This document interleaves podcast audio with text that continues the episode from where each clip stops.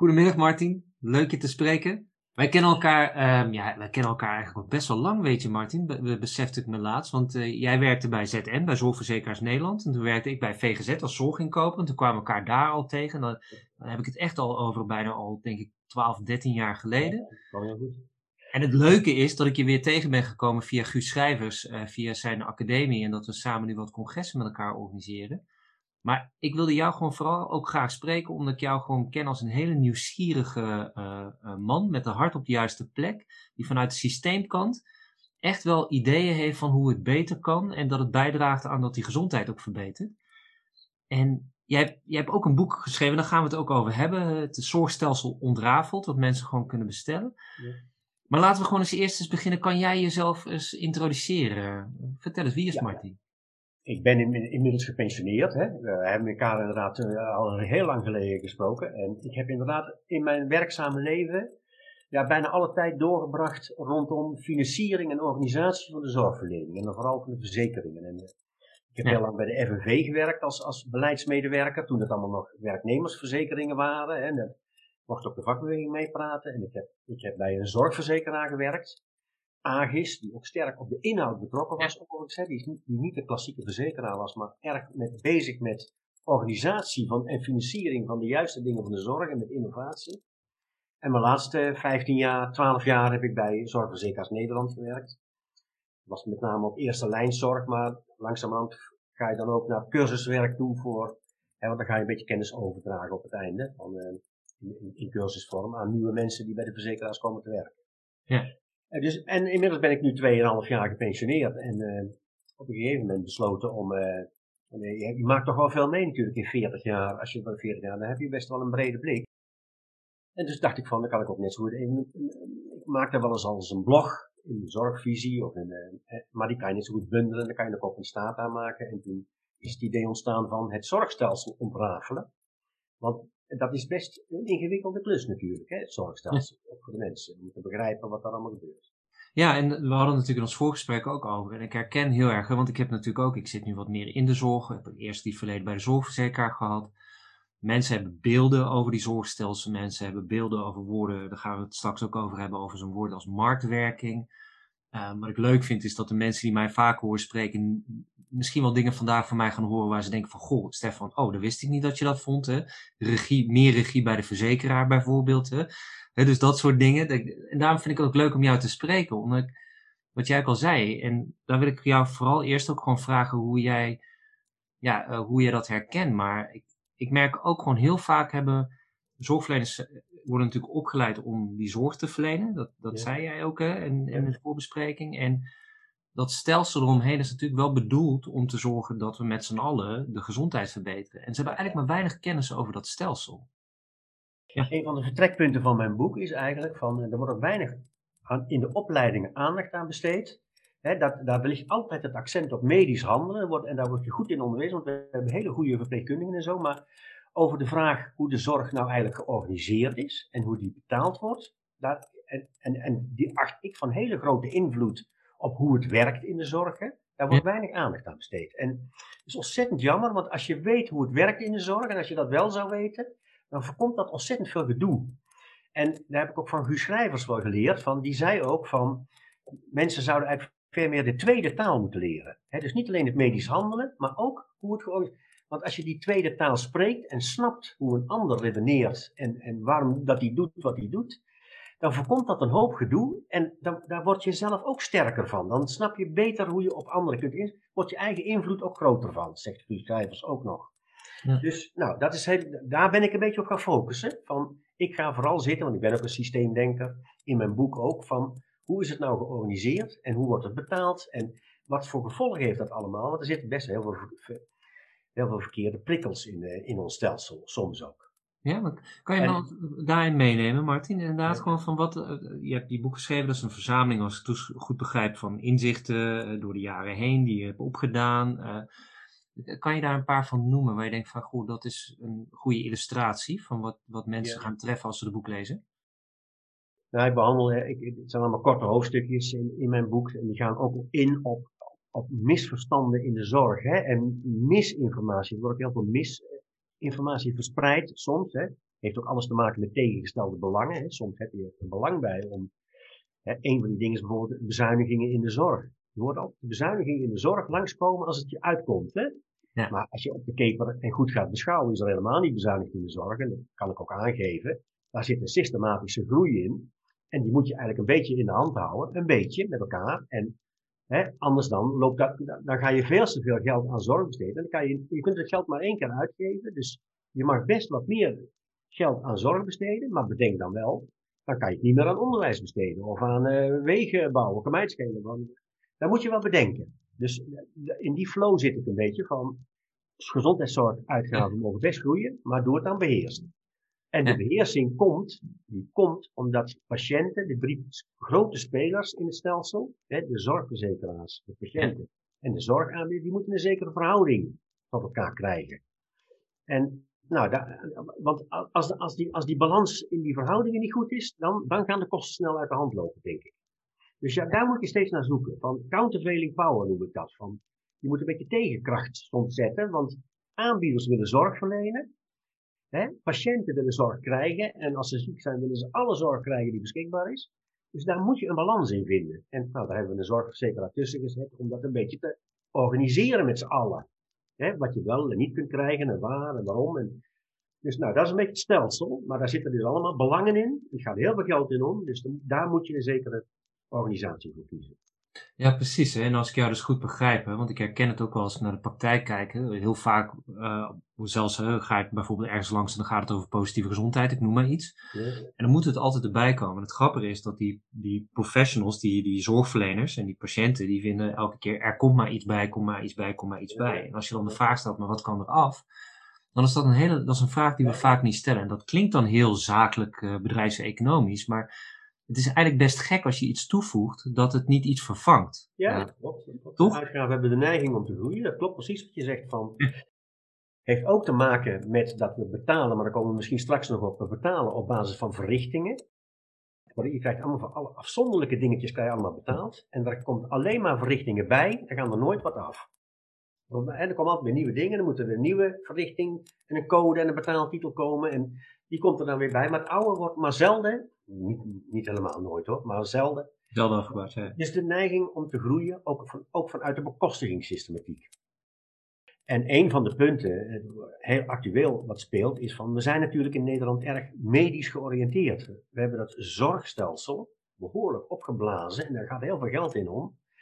Het is de vraag of al die medische zorg, of dat nog van deze tijd is, want heel veel problemen vinden natuurlijk een oorsprong in maatschappelijke vraagstukken. Hè? En we kunnen alles wel medisch tackelen, maar dus de grote vraag is of dat altijd wel zo verstandig is. En nou, we komen zo langzamerhand wel tot het besef hè, dat het medische en het sociale domein met elkaar verbonden moeten worden. Hè? Als mensen depressief raken, moet, dan, kan, dan, kan, je er wel een hoop gesprekken van de psycholoog tegenover zetten, maar je kunt beter kijken van als dat komt omdat men diep in de schulden zit, kan je beter wat aan schuldhulpverlening gaan doen.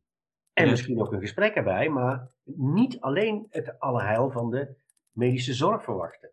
Nou, dat besef dringt langzamerhand wel door. Dus de samenwerking tussen het sociaal domein, waar de gemeente over gaat, en de eerste lijn zorg in dit verband, waar de zorgverzekeraar, die moet echt op een hoger plan gebracht worden. En er zijn ook zo drie, drie terreinen te noemen waar dat essentieel is. Op het gebied van de ouderenzorg, Hè, wij met elkaar willen we graag allemaal lang, zo lang mogelijk in eigen omgeving blijven wonen. En het, het vertrek naar een verpleeghuis zo laat mogelijk uitstellen natuurlijk. Dus je, maar dan moet je dus de zorg aan huis geleverd krijgen.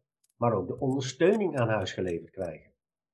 dus de wijkverpleging moet bijkomen als het zover is.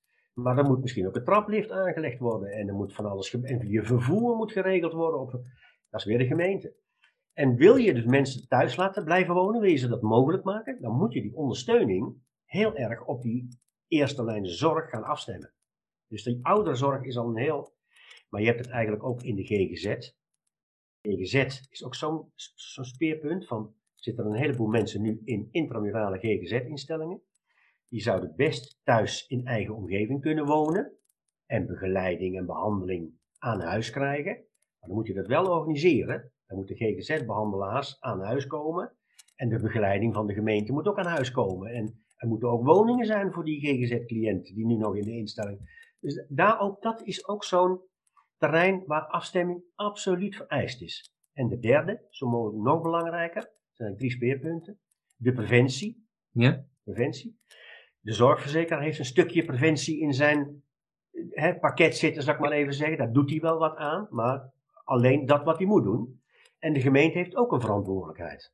En ik ben ervan overtuigd dat als je die twee aan elkaar zou knopen, die verantwoordelijkheden, dat je zo ontzettend veel meer op preventiegebied kunt doen, omdat je ook twee stromen bij elkaar gaat brengen. En dan kan je veel meer ondernemen. Maar je kunt het ook goed op elkaar afstemmen. Dan heb je veel meer resultaat van je preventie. En die focus zou daar naartoe moeten. Ja, dus, dus ik zit daar erg op, op, op dat die samenwerking lokaal organisatorisch tot stand moet komen.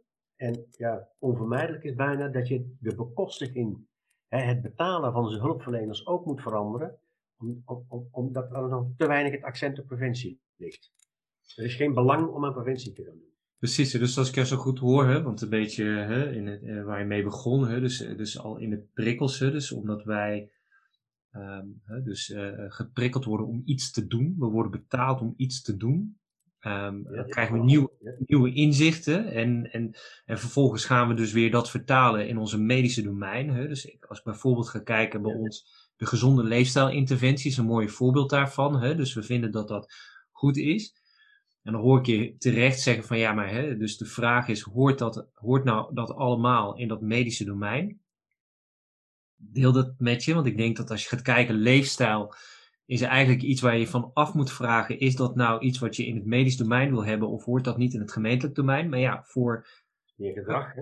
Precies, voor hoe wij het stelsel hebben gebouwd is het logisch en dan gooien we het onder de eerste lijnsfinanciering. Maar dan gaan we weer iets toevoegen aan de, aan de zorgdomein. Terwijl eigenlijk misschien hadden we meer geld richting de gemeentes moeten brengen. Dat is het tweede aspect wat je noemt. En had die gemeentes misschien wel die, die gezonde leefstijlinterventie uh, vorm kunnen geven. Er zijn allemaal vragen die bij mij opborrelen, Martin. Dat ik denk van ja, ik, als ik jou dus goed begrijp, ga je dan op een andere manier kijken naar die vraagstukken. En tegelijkertijd hoor ik je zeggen, is het heel erg belangrijk dus dat die die partners, dus de gemeente en die verzekeraar, dat die dus met elkaar iets gaan vinden over hoe organiseren ze het samen op dat, dat stuk in hun regio, dat lokaal. Ja, dat klopt heel goed. En ik heb misschien maar met een voorbeeldje illustreren.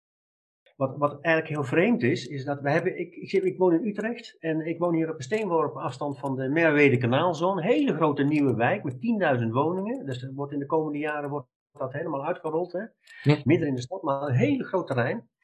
En nou is het vreemde, nou is overal over nagedacht, hè, over de zonnepanelen en parkeren en, en, en de OV-verbindingen en uh, hoe, hoe moet dat toch allemaal. Maar blijkbaar wordt er, er, er, wordt niet nagedacht, nooit, en dat is heel jammer, dat, dat je van tevoren eens even nadenkt over welke mensen komen er nou te wonen in die wijk uiteindelijk. En wat voor zorg en dienstverlening hebben die nou eigenlijk nodig? Komen daar veel ouderen te wonen of gehandicapten of komen er juist veel kinderen. Hè? En wat ik graag zou willen is, zeker als je toch al van plan bent om het sociaal domein veel dichter op die eerste lijn zorg te zetten, ja, dan zou ik zeggen, gemeente en zorgverzekeraar, ga bij elkaar zitten en ga eens even nadenken over hoe komt die wijk eruit te zien, wat voor voorzieningen hebben onze burgers en onze verzekerden nou eigenlijk nodig. En ga aanbieders uitnodigen om dat te gaan organiseren, maar maak eerst de randvoorwaarden. Dus een van de randvoorwaarden is van ga met z'n allen onder één dak zitten en plak dat sociaal domein heel dicht op die zorg. Want daar komt, wordt de samenwerking alleen maar beter van. dus, nou, en als je zo de randvoorwaarden stelt, kan de aanbieder daarop intekenen. Maar wat er nu gebeurt, wat er nu gebeurt, is dat, dat dat niet gebeurt.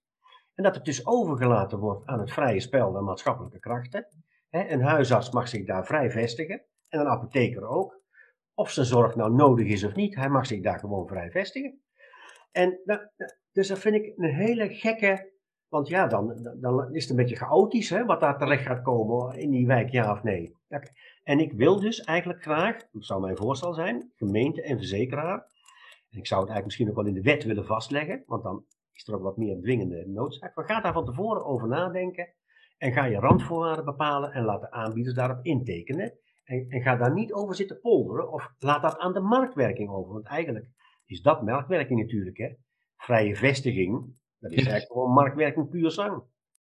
En je hebt, overal heb je een vergunning voor nodig. Als je een cafeetje wil beginnen, dan moet je een vergunning halen bij de gemeente. Maar als je een huisartspraktijk begint, of een winkel, of een uh, fysiotherapeut, dan, kan je daar gewoon, kan je gewoon beginnen. Ik pleit heel erg om gemeenten en verzekeraars op dat soort gebieden iets meer sturing te laten geven. Op de organisatie en de infrastructuur die we nodig hebben. En tegelijkertijd hoor ik je dus zeggen, want volgens mij is dat dan ook nodig. Want dat is natuurlijk altijd het spannende tussen centraliseren en decentraliseren. Is dat dan, uh, want toevallig met Leo Kliphuis wel eens mee geweest met zijn studiereis naar Spanje toe. En daar, werd, daar lieten ze zien dat ze in de wet hadden vastgelegd dat dat sociaal domein en zorg in dat uh, regio, daar hebben ze provinciaal is dat geregeld, hebben ze dat geregeld dat dat gewoon ja, verantwoordelijkheid was. Dus, en wat ik bedoel is dus voor de prikkels, dus we hebben het steeds over prikkels richting zorgverleners, maar er is ook een prikkel vanuit, vanuit de overheid, zou er ook best een prikkel mogen zijn richting de zorgverzekeraars en gemeenten, dat als zij zeg maar hun rol goed willen pakken, dat dat op die manier moet. Want nu is dat natuurlijk niet. Hè? Dus nu is het zo dat je als, als verzekeraar kan zeggen: ja, ik ga niet met 400 gemeentes praten. Hè? Ik, uh, ik doe niet mee. Ja. dus je zou dus ook daar die prikkel moeten hebben. En dus moeten kijken wat zijn dan de randvoorwaarden. Maar dat is meer voor de overheid, die weer die verzekeraars en de gemeentes nodig hebben om dit op goede manier te doen. En er zijn genoeg voorbeelden waar het goed gebeurt hè, in Nederland, in het klein. Inderdaad, ik, je hoeft maar naar eh, Tilburg Noord te gaan. Daar is, uh, is een initiatief van een sociaal spreekuur waar maatschappelijk werker in de huispraktijk zit, wat iedereen geweldig vindt. En dan, waarom doen we het niet overal anders? En dat hoeft niet precies op die manier, Structureel, hè, het uitgangspunt nemen, daar gaat het eigenlijk om. Precies. En je moet, uh, zou ik dan ook erbij zeggen, hè, van, we gaan niet van de ene op de andere dag die hele structuur veranderen. Maar we gaan uitlokken, hè, of, of bevorderen, zo zou ik het aan willen pakken, dat overal waar iets nieuws gebeurt, in eerste instantie, daar kan je dat op voorhand goed doen. Maar in oude bestaande wijken zou je best aanbieders kunnen uitnodigen om het op een bepaalde manier te gaan organiseren. En daar dan ook voor te financieren. Dus bevoordeel nou de hulpverleners die het op de juiste manier, hè, wat je zelf graag wil. Dat is het frappante van als je aan de bevolking gaat vragen van wat wil je nou eigenlijk? En daar zijn er verschillende onderzoeken van door de tijd heen. Dan zeggen de bewoners zeggen steeds van ik wil eigenlijk graag één herkenbaar punt in de wijk waar alles zit. De huisarts en de apotheek en de fysiotherapeut. En men, men, noemt wat men dan hè, bedenkt, maar men noemt steeds van, ja, je wil het op een herken. Nou, als ze dat willen, bevorder het dan. Of de aanbieders dat nou willen of niet, hè, dat, dat, is wat de mensen willen. Bevoordeel wel die hulpverleners, of verlok ze, of verleid ze, om het in zo'n setting te gaan doen, want dat willen we graag georganiseerd hebben. Precies, en dan vraagt het ook weer dus als financier dat je op een andere manier gedraagt. Want wat vaak dan is, zeker in die bestaande uh, regio's, of die wijken of die dorpen, is dat je, je, je, ja, je hebt een soort van, ja, want we praten natuurlijk heel erg in systeemtaal vandaag, maar je hebt frictiekosten, je, je, je gaat omzet missen, je gaat uh, wat dan ook. Dus dan moet je het aantrekkelijk maken dat het niet een probleem is, want daar heb je het ook over. Hè? Dus vanuit, vanuit dat verrichtinggerichte, hoe anders wordt het als je iemand een budget geeft uh, dat dat eigenlijk veel meer mogelijkheden geeft voor die professional om te doen wat hij graag wil. En niet zich steeds af te vragen van ja, maar als ik dit niet doe, dan mis ik, dan mis ik eigenlijk inkomen, mis ik eigenlijk geld. waardoor het best aantrekkelijk kan zijn als zorgverlener om mee te gaan met dat beleid, toch? Dus het is inderdaad, het is de combinatie inderdaad van, hè, van want je wil eigenlijk wat grotere eenheden. Je wil eigenlijk meer naar kleine eerste lijnse zorginstellingen toe. Hè? Of wijkcentra, wijkzorgcentra, hoe je ze ook noemt. Maar dat zijn behoorlijk, daar zitten nogal wat individuele spelers bij elkaar. Hè? Ja. En, die moet je, en die moet je die moet je die frictiekosten om die omstelling te krijgen, die moeten natuurlijk betaald worden. Hè? Daar, daar moet je ruimhartig in zijn. Je moet ook mensen waarvan het toch eigenlijk wel logisch zou zijn dat ze in zo'n zorginstelling gewoon in dienst gaan werken ruimhartig betalen, ruimhartig betalen. En je moet een soort, eh, je moet ze een, een, een budget geven waar zij veel meer autonomie over hebben en ook veel meer met elkaar kunnen gaan samenwerken. Niet tegengehouden omdat men er zelf financieel belang bij heeft. Om het voor de mensen zo, zo prima mogelijk, maar ook voor je eigen. Hè, je, je, je wil eigenlijk bevorderen in zo'n eerste lijn zorginstelling. Dat mensen zo weinig mogelijk naar die praktijk toe komen, naar die, naar die, dat wil je eigenlijk. Dus je wil allemaal activiteiten die, die daartoe leiden. Want dan hou je lekker, als ze niet komen, hou je lekker over aan je budget en daar kan je weer nieuwe dingen van doen. Dus zo moet je de prikkels in de bekostiging juist stellen. En daar, daar wordt het werk van de hulpverleners ook een stuk aantrekkelijker door. Daar ben ik van overtuigd. Want nu is het, de verzekeraars hikken er nu heel erg tegen aan dat alles wat ze aan meer geld gaan steken in de zorg bij een Mhm. individuele hulpverlener, leidt automatisch tot meer productie. Ja, en dat, dat, dat wil je natuurlijk niet. Je wil juist. En die spiraal moet doorbroken worden. En dan moet je met experimenten en. eh, En als het nou ook nog eens, eh, Martin, tot meer gezondheid zou, le- zou leiden, zou dat misschien nog zelfs de waard zijn. Maar ik durf wel ook wel aan te sluiten bij wat je zegt. Zeker, we hebben gewoon, de zorg die we hebben is goed. We hebben meer behoefte aan maatschappelijke ondersteuning en eigenlijk in dat sociale domein dat mensen geholpen worden. Hè? Dus wel, toevallig met iemand vandaag over, over een, een arts die bij iemand die hè, zeg maar eh, pijnklachten had een spuit zet, zonder door te vragen, goh, vertel eens wat doe je overdag, blijkt die persoon heeft gewoon geen baan meer, die zit thuis, dus spelen hele andere dingen. Ja, ja. En dat spuiten is niet de oplossing. En Nee. dat, hè, er zitten hele andere dingen nodig. Dus ik kan me ook voorstellen als mensen dit luisteren, we gaan zo naar een afronding toe, hè, maar als mensen dit luisteren, dat ze denken, ja, maar dat klinkt allemaal leuk wat die meneer zegt, eh, meer, meer, meer, hoe kan het dan goedkoper worden? En dan wil ik het voorbeeld aanhalen van die, eh, eh, wat huisartsen nu aan het doen zijn, dat kwartier consult in plaats van die negen minuten consult. Ja. Er zijn heel veel huisartsen die gedacht hebben, als ik dat ga doen, dan ga ik dus minder consulten draaien, dan ga ik eigenlijk achteruit in mijn omzet. En dan snij ik mezelf financieel mijn vingers, hè, eventjes. En, dan, en ze hebben mensen in dienst, dus het is ook goed dat ze nadenken over het financiën. Wat ik steeds terug hoor bij de, eh, zeg maar de huisartsen waar ik contact heb die dit gedaan hebben, is dat ze eigenlijk zijn het gaan doen omdat ze gewoon het minder druk wilden. Dus ze zeiden, nou, ik accepteer wel dat ik minder inkomen heb. Maar ze zijn achtergekomen dat ze helemaal niet achteruit zijn gegaan qua inkomen. Want dat productiemanier van die 9 minuten consult en dat maar door, door, door, door, door, brengt ook meer kosten met zich mee. Doordat zij eigenlijk juist minder mensen zijn gaan zien, hebben, hoeven ze dus minder dingen te organiseren. Ze kunnen langer de tijd, dus ze kunnen zelf meer dingen doen, waardoor ze minder soms BOH-tijd nodig hebben, minder andere tijd nodig hebben. Waardoor het niet per se betekent dat het duurder wordt. Ja, en, en, en inderdaad, eh, daar hoor je natuurlijk heel vaak van dat huisartsen ingeklemd zitten in dat 10 minuten consult. Hè? Ja. Dat, dat beeld is er. En op het moment dat je ze een budget zou geven, gaan ze daar helemaal zelf over. Hoeveel, Ja. tijd ze eigenlijk besteedt. Dan valt die druk en die stress ook helemaal weg. En geef een huisarts gewoon een goed eh jaarsalaris. Hè? Dan, is, dan, is die, dan is die druk om consulten te maken en te moeten blijven maken, valt dan weg. En dan kan de blik verruimd worden. En dan kan je ook veel gemakkelijker anderen erbij halen, die, waarvan het heel verstandig zou zijn om die erbij te halen om de problematiek op te lossen. Als, als ik je nou vraag, want we zo richting de, de toekomst, hè? want we, dit is, we hebben nu, dit is ons eerste gesprek, we gaan wellicht hier meer gesprekken over voeren. Ja, wat, wat zou jij nou graag anders willen zien in, in de toekomst? Want je zegt al, het gaat niet van de ene dag op de andere dag. Wat, Nou, wat ik graag anders zou willen zien, even koppelend ook misschien aan eh, de regeringsformatie. hè. Hoe die nou eigenlijk, want de, discussie gaat nu natuurlijk veel over eh, regionalisatie, regiobudgetten, regioplannen maken. Men wil weer terug naar de regio. Heeft natuurlijk alle verband met dat, dat gemeentelijke en dat zorgdomein. Dat, dat, dat ziet iedereen wel natuurlijk. De vorm die je daarvoor kiest, daar zou ik van zeggen, hou het beperkt. Hou het beperkt. Ga niet weer in een hele stelselwijziging aan, helemaal niet nodig. Nee. Leg wel in de wetten vast, hè, in de zorgverzekeringswet, maar ook in de WMO, dat gemeente en verzekeraar af moeten stemmen met elkaar over Ja. de gewenste infrastructuur en organisatie. Dan krijgt dat ook wat meer legitimiteit dat ze dat moeten gaan doen. Betrek daar de aanbieders bij, maar niet meteen. Hè, maar iemand moet het organiseren. En dat, dus het is belangrijk om dat vast te leggen. Dat- Dat, dat ze die taken hebben en misschien ook met de doelen die bereikt moeten worden. Laat dat maar gewoon. Kijk, dat is het aardige van ons stelsel tenslotte. Hè. En ons ziektekoststelsel is erg goed. Maar het is natuurlijk gereguleerde marktwerking. Je ziet wel vormen van marktwerking in.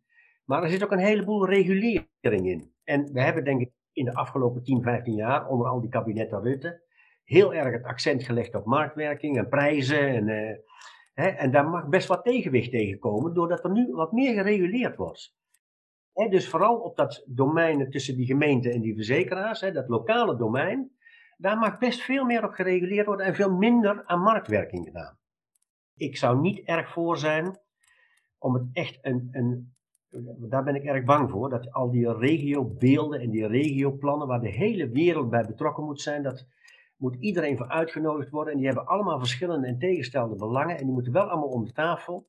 Dus dat worden eindeloze trajecten. Als je daar niet wat meer regie en sturing op zet. Dat is eigenlijk het enige wat ik bepleit. En leg die sturing nou in handen van degene die, die, die het ook financieren, de gemeente en de verzekeraar. En het zorgkantoor misschien ook nog wel. Precies, en je zou best als overheid kunnen zorgen voor die zorgaanbieders dat je daar, uh, en volgens mij is dat zelfs een inkoop, dus uh, de burgerlijk wetboek beschermt je als aanbieder. Je, we, hebben de, we hebben de wet op de marktordening van de gezondheidszorg, de WMG. Hè. Dus uh, verzekeraars, ook al hebben ze de regie, kunnen niet maar doen wat ze willen. Hè. Dus daar zijn echt wel bepaalde balansdingen in de wet die zorgen dat zij ook moeten handelen vanuit het perspectief van betere kwaliteit van zorg voor de patiënten.